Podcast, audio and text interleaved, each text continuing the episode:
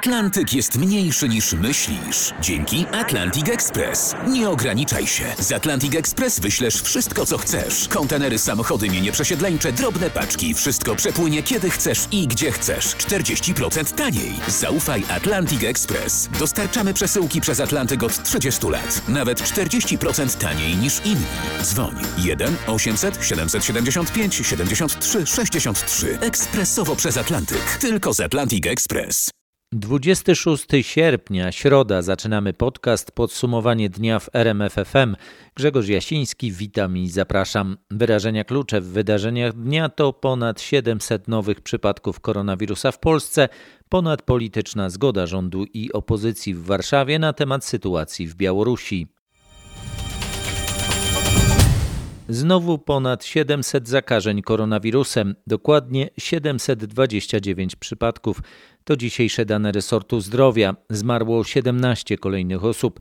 Tym samym liczba ofiar koronawirusa w Polsce zbliża się do 2000. Kolejny raz najwięcej zakażeń jest w Małopolsce 118, ale tylko 4 zakażenia mniej są na Śląsku, 106 na Mazowszu, a to oznacza, że w trzech regionach liczba zakażonych znowu przekracza 100. W Wielkopolsce niemal 100, bo 94. I znowu tylko w jednym regionie, w Lubuskim, przypadków jest mniej niż 10. I choć ministerstwo informuje, że wyzdrowiało już ponad 43 tysiące osób, to aktywnych chorych jest prawie 18,5 tysiąca.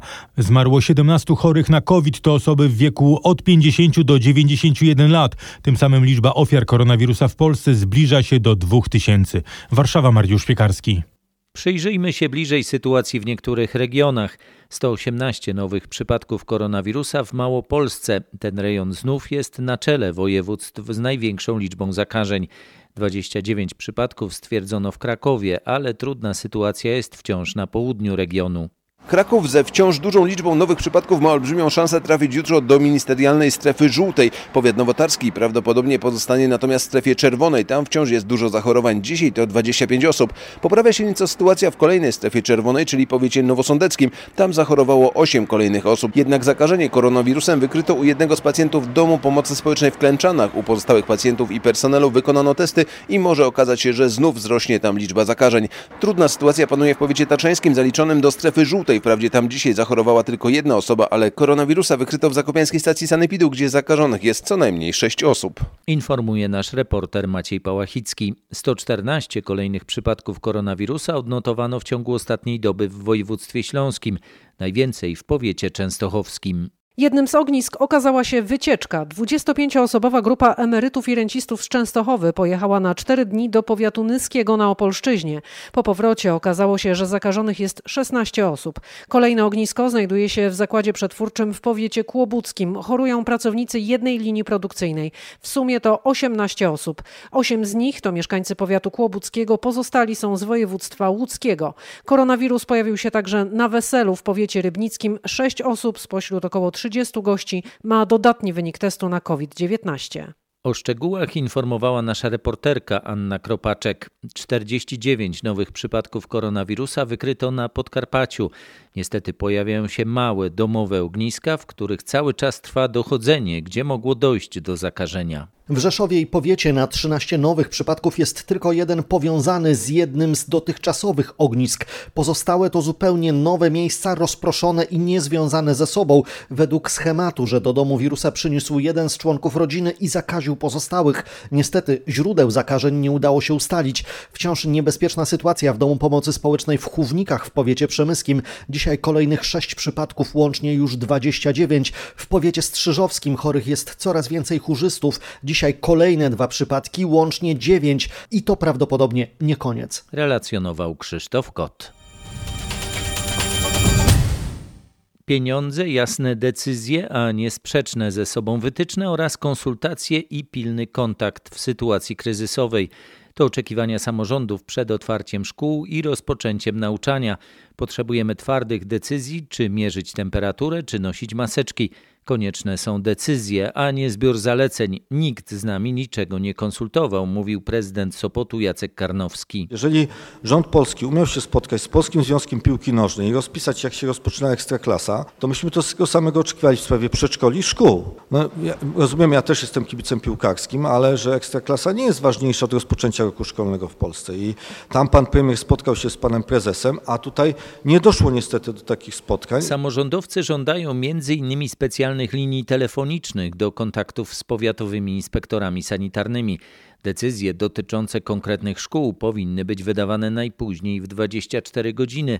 W obecnych realiach to mało realne, mówi starosta poznański Jan Grabkowski. Powiatowy inspektor sanitarny dla powiatu poznańskiego miasta Poznania ma 18 inspektorów. Na tym terenie jest około tysiąca szkół. Konia z rzędem temu, to mi powie, że decyzje inspektora sanitarnego będą natychmiast podejmowane. Więc oczekujemy od rządu, by inspektorzy sanitarni mieli odpowiednie infolinie, nawet nie infolinie, ale telefony bez, do bezpośredniego kontaktu z dyrektorami, żeby te decyzje były podejmowane natychmiast, żeby te decyzje nie leżały w biurkach, bo decyzje dzisiaj podejmowane są w przeciągu dwóch, trzech tygodni. Tak długo my nie możemy czekać. Samorządowcy wyliczyli, że na przygotowanie szkół do nowej pandemicznej sytuacji potrzeba nawet 2 miliardów złotych. O tyle ich zdaniem powinna wzrosnąć subwencja oświatowa. Władze Katowic chcą, by od 1 września tylko część uczniów chodziła na lekcje do szkół. Miasto proponuje hybrydowy system nauczania z powodu pandemii koronawirusa, ale w tej sprawie opinię ma wydać jeszcze Sanepid. Jak dokładnie według urzędników powinna być zorganizowana nauka? W normalnym trybie do szkół mieliby chodzić uczniowie klas pierwszych, drugich, trzecich i czwartych szkół podstawowych oraz uczniowie pierwszych klas szkół średnich. W przypadku pierwszaków oraz czwartoklasistów chodzi m.in. o to, by uczniowie mogli poznać się z nauczycielami. Miasto podkreśla, że w klasach drugich i trzecich w podstawówkach ważny jest natomiast aspekt zadań opiekuńczo-wychowawczych szkoły. W pozostałych klasach miałby obowiązywać hybrydowy tryb nauczania, czyli na przykład w jednym tygodniu do szkół przychodziłaby połowa klas, a reszta miałaby lekcje zdalne w kolejnym tygodniu następowałaby zmiana. Taką propozycję Urzędu Miasta ma ocenić Sanepid. Informuje Anna Kropaczek. Uczniowie w Sosnowcu będą uczyć się tradycyjnie w szkołach. Jak informowaliśmy, w obawie przed nagłym wzrostem zachorowań samorząd rekomendował dyrektorom placówek przez pierwsze dwa tygodnie września prowadzenie nauki zdalnej i powrót do szkół w połowie miesiąca. Sosnowiecki Sanepid się na to nie zgodził. Jak mówi rzecznik magistratu Rafał Łysy, powodem są wytyczne Głównego Inspektoratu Sanitarnego. Zgoda na nauczanie zdalne albo na nauczanie w trybie mieszanym będzie wydawana tylko w uzasadnionych wypadkach w oparciu o realne, a nie potencjalne ryzyko wystąpienia zakażenia. To znaczy, że z kilkunastu sosnowieckich szkół i przedszkoli, które wnioskowały o naukę w trybie zdalnym bądź mieszanym, tylko jedna placówka taką zgodę otrzyma. To zespół szkół ogólnokształcących numer 5, w którym są klasy integracyjne i klasy specjalne.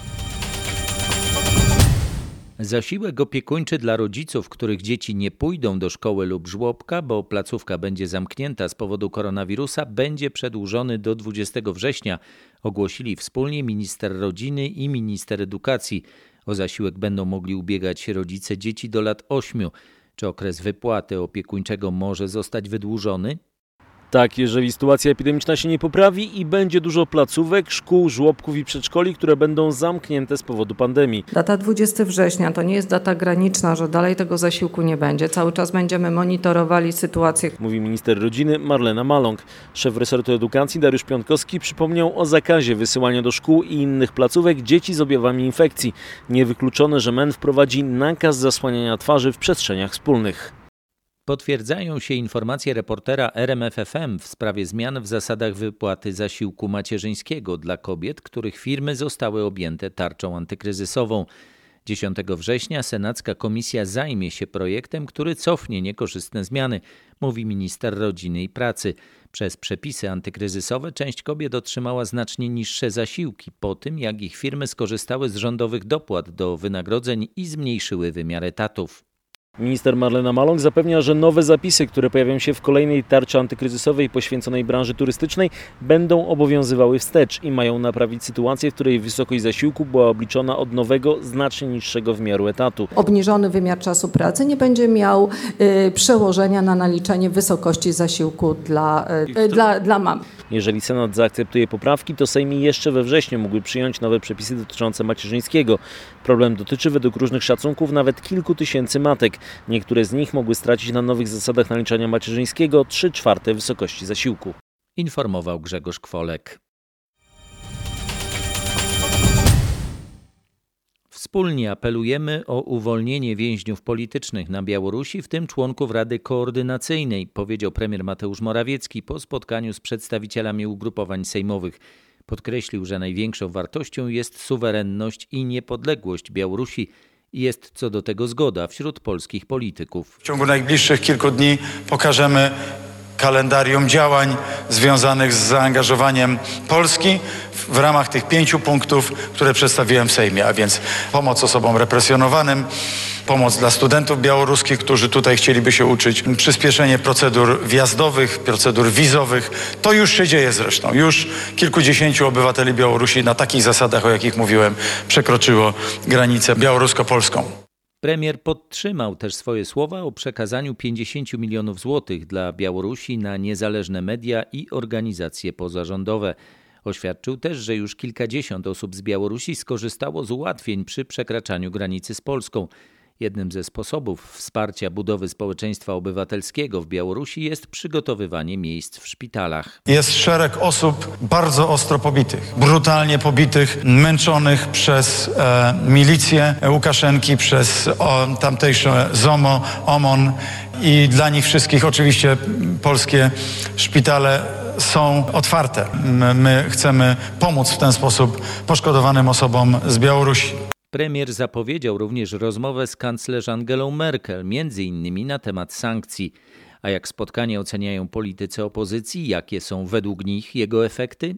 Pierwszy to zgoda co do podstaw. Wolność Białorusinów jest ważna dla Polaków. Drugi to potrzeba uruchomienia niezbędnej pomocy dla tych, którzy jej potrzebują. Trzeci, konkretny, to wprowadzenie istotnych ułatwień dla Białorusinów chcących wyjechać do Polski, niekoniecznie na stałe i niekoniecznie z zamiarem uzyskania azylu. Otrzymaliśmy obietnicę, że w ciągu najbliższych dni zostanie przygotowane specjalne rozporządzenie w Ministerstwie Spraw Wewnętrznych, które uprości radykalnie procedurę przekraczania granicy i otrzymywania wiz. Relacjonował poseł PO Robert Tyszkiewicz. Politycy opozycji zapowiadali wspomaganie rządu, nie szczędzili mu też jednak uwag krytycznych, wskazując na słabą pozycję w strukturach europejskich. Ze swojej strony deklarujemy wsparcie rządu, który niestety jest bardzo słaby wizerunkowo na arenie międzynarodowej i niestety w wielu sytuacjach jest oceniany na równi z rządem Łukaszenki, jeśli chodzi o opinię Rady Europy. Mówił poseł Lewicy Andrzej Szejna.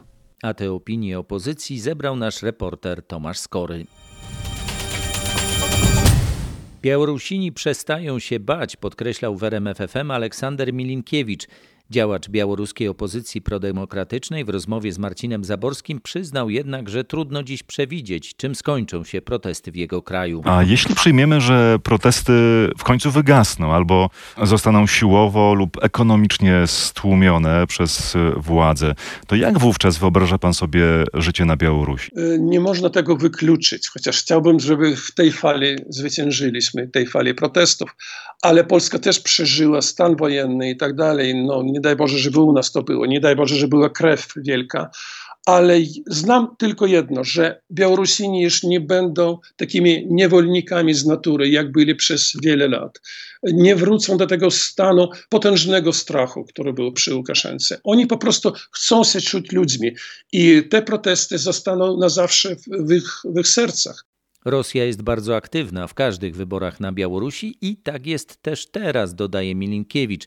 Wskazuje, gdzie wyraźnie widać dziś rosyjskie wpływy. W telewizji już się zjawili specjaliści od PR-u z Moskwy, w służbach specjalnych, no i to jest wielkie niebezpieczeństwo dla nas, a Łukaszenko słabnie. No właśnie, wygląda na to, że Łukaszenka stracił to, czego zawsze mógł być pewien chyba do tej pory, czyli poparcie robotników. To już nie jest protest klasy średniej i wielkich miast. To dla mnie też taka no, nie, niezwyczajna, nadzwyczajna rzecz, że robotnicy powstali. Przy tym nie, nie mówią zupełnie o tym, że portfel jest pusty, też mają problemy, a mówią o godności, o prawdzie, o swobodzie, o wyzwoleniu więźniów politycznych i nikt ich tam nie nakręca specjalnie z opozycji. To jest po prostu nowa klasa robotnicza. Ja się szczycę takimi ludźmi. Sankcje personalne tak, sankcje ekonomiczne dla Białorusi nie, mówi Milinkiewicz. Jak odbiera pan reakcję Europy, reakcję Unii Europejskiej? My jesteśmy wdzięczni, jak oni wprowadzają na przykład e, takie personalne sankcje. Ale szczerze powiemy, że personalne sankcje nie zmieniają stanu rzeczy. To raczej taka moralna ocena przez świat cywilizowany, w tym też Polski, tego, co się dzieje. Ja, ja, jestem przeciwnikiem ekonomicznych sankcji, którzy burzą gospodarkę i dają więcej szans dla Rosji, żeby wpływać i marzyć o Anschlussie. Aleksander Milinkiewicz w rozmowie z naszym dziennikarzem Marcinem Zaborskim. Więcej na rmf24.pl. Zbigniew Rau i Adam Niedzielski oficjalnie odebrani ministerialne teki. Rał przejął stanowisko po Jacku Czaputowiczu, który zrezygnował z funkcji szefa resortu dyplomacji. Adam Niedzielski, który był prezesem Narodowego Funduszu Zdrowia, objął funkcję ministra zdrowia po Łukaszu Szumowskim. Prezydent Andrzej Duda podkreślał, że oczekuje kontynuacji działań poprzedników. Ta polityka, która właśnie w sferze ochrony zdrowia, zwłaszcza walki z koronawirusem i jeżeli chodzi o politykę zagraniczną, była prowadzona przez panów poprzedników, była w moim przekonaniu polityką prowadzoną dobrze. I proszę, aby w tym zakresie było to teraz działanie, które będzie kontynuacją. Powiedział Andrzej Duda podczas uroczystości w Pałacu Prezydenckim. To była jedna z najważniejszych postaci polskiej muzyki.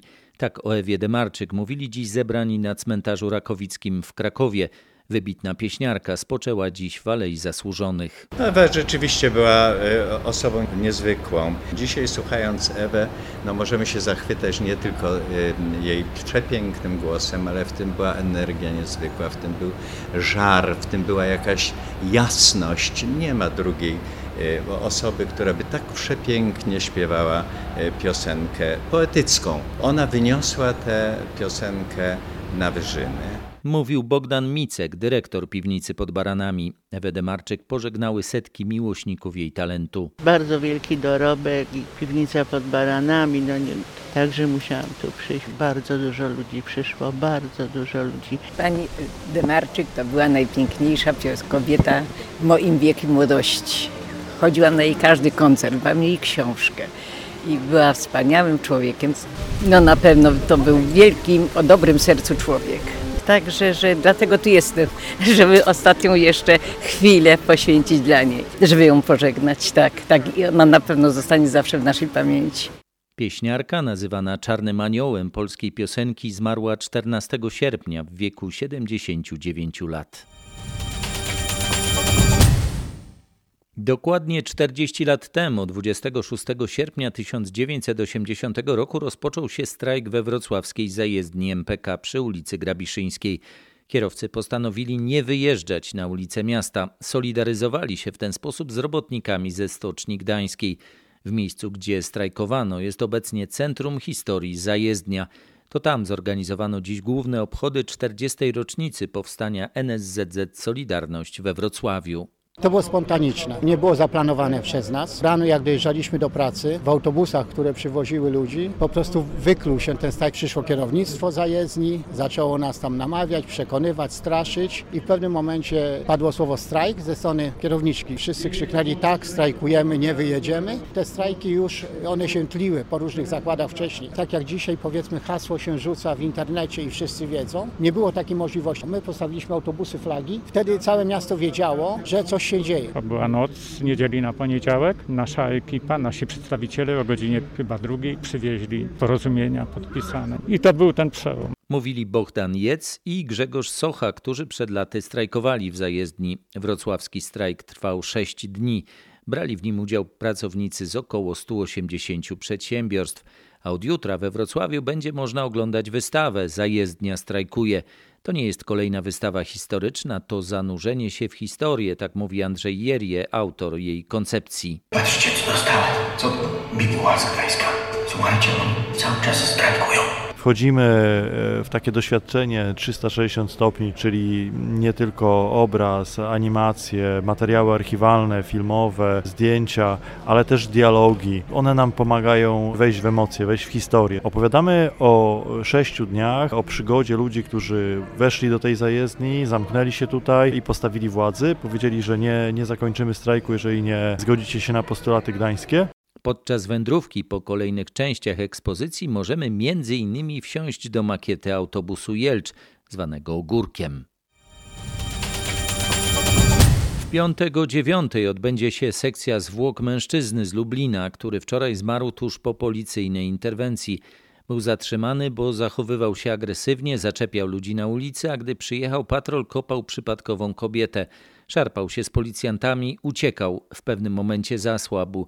Niewykluczone, że był pod wpływem środków odurzających. Prokuratura prowadzi śledztwo w kierunku nieumyślnego spowodowania śmierci, powiedziała mi Agnieszka Kępka, rzecznik prokuratury okręgowej w Lublinie. Przesłuchani świadkowie zdarzenia zeznali, że mężczyzna wyglądał na pobudzonego, był agresywny, jakby po zażyciu dopalaczy czy narkotyków, więc ta wersja brana jest pod uwagę jako przyczyna śmierci, ale też oczywiście nie można wykluczyć innych, jak na przykład choroby czy jakiś uraz podczas policyjnej interwencji. To wszystko rozstrzygnie sekcja zwłok. Informuje nasz reporter Krzysztof Kot.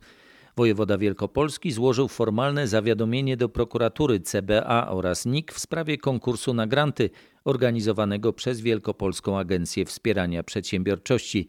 Dowiedział się nasz reporter. Jak informowaliśmy wcześniej, pula 95 milionów złotych na wsparcie dla małych i mikrofirm rozeszła się w sekundę.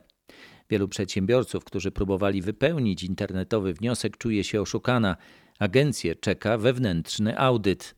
Krótko po tym, jak wojewoda ogłosił, że zawiadomi organy ścigania, zapowiedział go marszałek województwa, któremu podlega WARP. Urzędnicy chcą powołać niezależnych specjalistów z branży IT. By zweryfikowali prawidłowość tego postępowania, a jeśli pojawiły się nieprawidłowości, to audyt ten ma je obnażyć. Do czasu wyjaśnienia wątpliwości nie będą dokonywane jakiekolwiek wypłaty w ramach grantów. Tłumaczyła rzeczniczka marszałka województwa Anna Parzyńska-Paszkę. WARP utrzymuje, że konkurs przebiegł zgodnie z regulaminem, w którym zaznaczono, że przy rozdawaniu pieniędzy będzie obowiązywać zasada kto pierwszy, ten lepszy. Chodziło o kliknięcie w link przekierowujący do dalszej procedury, aktywny w poniedziałek od dziewiątej. Sekundę po pełnej godzinie tysiące wnioskodawców otrzymało jednak informację, że ich wnioski zostały odrzucone, bo pula grantów się wyczerpała. Sprawą zajmuje się nasz reporter Mateusz Chłystun. Zakażona koronawirusem była premier Ukrainy Julia Tymoszenko jest w stanie krytycznym, tak informuje deputowany z jej partii Wadim Iwczenko. Co jeszcze wiadomo o stanie zdrowia ukraińskiej polityk? Ma bardzo wysoką temperaturę oraz kłopoty z oddychaniem. Jednak jak zaznacza Iwczenko, wbrew doniesieniom mediów była premier nie jest podłączona do respiratora, a stosowane są inne metody terapii. O pozytywnym teście Tymoszenko na obecność COVID poinformowano trzy dni temu. Już wtedy miała bardzo wysoką temperaturę, sięgającą 39 stopni. Okazuje się też, że zakażona jest jej córka wraz z mężem. Relacjonował Krzysztof Zasada. Afera golfowa może kosztować stanowisko unijnego komisarza do spraw handlu Phila Hogana. Irlandzki komisarz miał nie przestrzegać podczas pobytu w swoim kraju restrykcji związanych z pandemią. Coraz częściej mówi się o dymisji komisarza, naciska na to nawet rząd w Irlandii. To szefowa Komisji Europejskiej Ursula von der Leyen zdecyduje o jego przyszłości po zapoznaniu się z przygotowanym przez komisarza raportem o jego poczynaniach w Irlandii. Hogan już kilkakrotnie przepraszał, udzielał wywiadów, wyjaśniając, że brał udział w kolacji Towarzystwa Golfowego w dobrej wierze. Tłumaczył, że organizatorzy zapewnili zapewniali go, że będą przestrzegane zasady dystansu społecznego, a także, że na imprezie byli członkowie irlandzkiego rządu, co uśpiło jego czujność. W dodatku po tym, jak zatrzymała go policja w związku z używaniem telefonu podczas jazdy, wyszło na jaw, że przemieszczał się po hrabstwie, w którym obowiązywały restrykcje dotyczące poruszania się. Informuje korespondentka RMFFM w Brukseli Katarzyna Szymańska-Borginą. Huragan Laura, który jutro ma uderzyć w Teksas i Luizjanę, przybiera na sile i staje się dużym zagrożeniem dla kilku amerykańskich stanów, Gdzie w tej chwili jest Laura? Przesuwa się nad Zatoką Meksykańską, zmierza w stronę Teksasu i Luizjany. W tej chwili to już żywioł trzeciej kategorii w pięciostopniowej skali. Przewiduje się, że gdy huragan uderzy w ląd, będzie mieć czwartą kategorię w pięciostopniowej skali. Na prognozowanej trasie przejścia Laury niestety jest Nowy Orlean położony poniżej Zatoki Meksykańskiej. Miasto w 2005 roku odczuło skutki śmiercionośnego huraganu Katrina. Już na wybrzeżu zarządzono ewakuację pół miliona ludzi. Żywioł uderzy dziś w nocy. Relacjonuje korespondent RMFFM Paweł Żuchowski. Kontrowersje po interwencji żandarmerii przeciwko kobietom opalającym się topless we Francji. Policjanci nakazali zakrycie biustów czasowiczkom na plaży znanego śródziemnomorskiego kurortu Sainte-Marie-la-Mer. Żandarmeria interweniowała na prośbę opalającego się obok na plaży małżeństwa z dziećmi. Rodzina wyjaśniła, że nie chce narażać kilkunastoletnich dzieci na widok o charakterze seksualnym. Protestują feministki i zwolennicy opalania się topless, tłumacząc, że od końca lat 60. stało się to już we Francji tradycją i wyrazem wolności obyczajowej kobiet. Szef MSW przeprosił, przyznając, że prawo tego nie zabrania. Przeciwnicy tłumaczą jednak, że od lat 60. czasy się zmieniły, a nagość i seks stały się tak wszechobecne, iż dzieci są coraz bardziej na to narażone. Relacjonuje nasz korespondent Marek Gładysz. Sensacyjne odkrycie muzyczno-filmowe. Janko Muzykant odzyskał głos. We Włoszech w prywatnej kolekcji odnalazły się oryginalne płyty z muzyką do filmu Ryszarda Ordyńskiego z 1930 roku, jednego z pierwszych wyprodukowanych w Polsce pełnometrażowych filmów dźwiękowych. Nakręcono go w Warszawie i okolicach, a udźwiękowiono w Berlinie. Po wojnie ścieżka dźwiękowa zaginęła. Muzykę napisali Grzegorz Fittelberg i Leon Schiller, mówi nam Michał Pinkowski z Filmoteki Narodowej. Ale największym przełomem było pojawienie się w tym filmie piosenek. Wprawdzie piosenki już wcześniej wykorzystywano w filmach, ale jedynie jako tło muzyczne, nie do końca związane z tym, co działo się na ekranie. Natomiast Janko Muzykant był pierwszym filmem, w którym to bohaterowie filmu zaśpiewali te piosenki. W pracowniach Fina trwają prace nad restauracją cyfrową obrazu i przywróceniem mu utraconego dźwięku. Repremiera filmu zaplanowana jest na kwiecień przyszłego roku. Kadry już teraz zobaczycie na rmf24.pl. Władze Małopolski wspierają turystykę. To nie tylko transze pomocy finansowej, ale także akcje konkursowe oraz wsparcie obiektów turystycznych.